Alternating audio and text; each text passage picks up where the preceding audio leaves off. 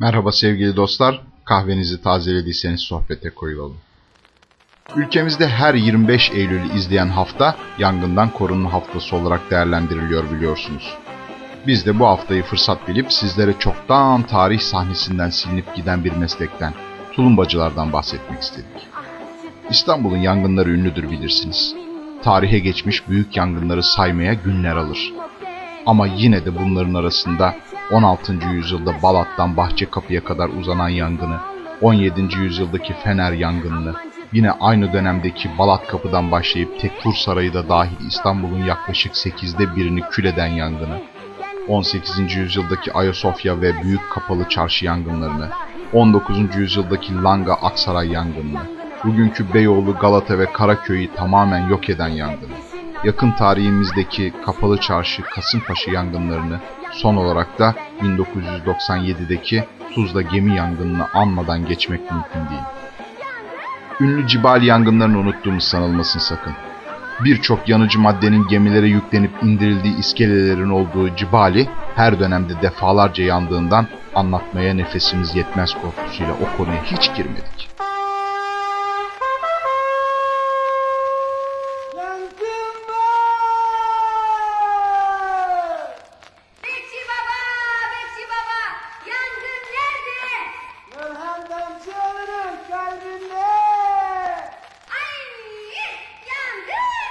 İstanbul'un böylesine yanmaya yatkın olmasının nedeni genellikle dönemin ahşap binaları ve binaları birbirine yakın tutan dar sokakları.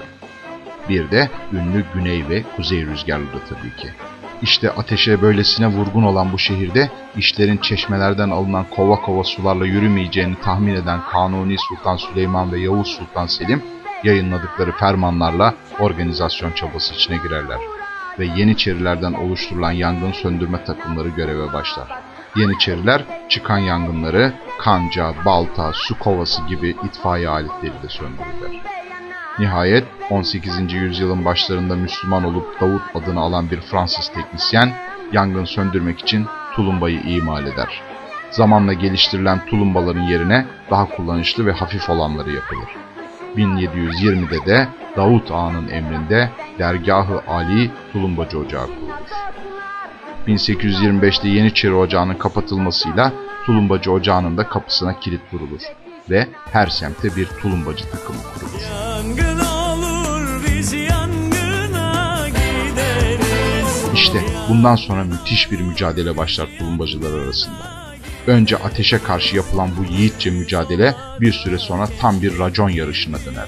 Genellikle ayak takımından ve kabadayılardan oluşan ekiplerin arasında arada bir mürekkep yalamış beyzadeler de yer alırlar. Yangın var haberiyle birlikte bir de bakarsınız katip kolluklarını sıyırıp nara patlatarak koşmaya başlar. Reis adını taşıyan takımın lideri genellikle semtin hatırı sayılırlarından eşraftan olur. Reis takımın başında at üstünde bulunur ve koşmaz. Sırasıyla köşklü adı verilen ikinci reis takımı yönetir. Fenerci, borucu, kökenci ve hortumculardan sonra sandığı omuzlarında taşıyarak koşan omuzdaşlar veya uşaklar kadroyu tamamlar. Beyazıt Kulesi'nden verilen işaretlere göre yangının yeri belirlendikten sonra mahalle bekçileri elindeki sopayı yere vurarak filanca semtte yangın var naralarıyla mahalleyi ayaklandırırlar.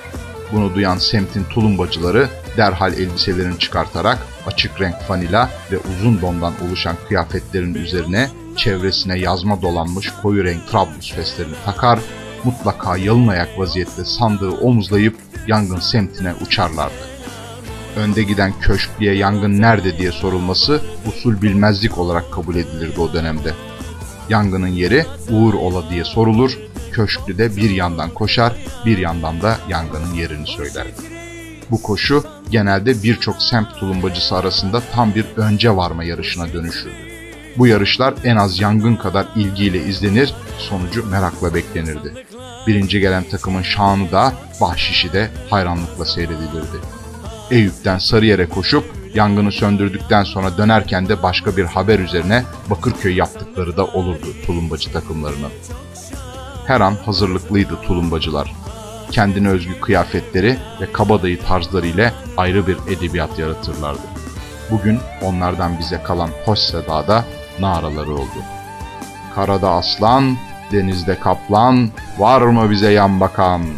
Yaman gelir, yaman gideriz. Kadırgalı aslan tulumbacılarız. Bir dahaki buluşmamıza kadar kahveniz sıcak, sohbetiniz koyu olsun. Sevgiyle kalın.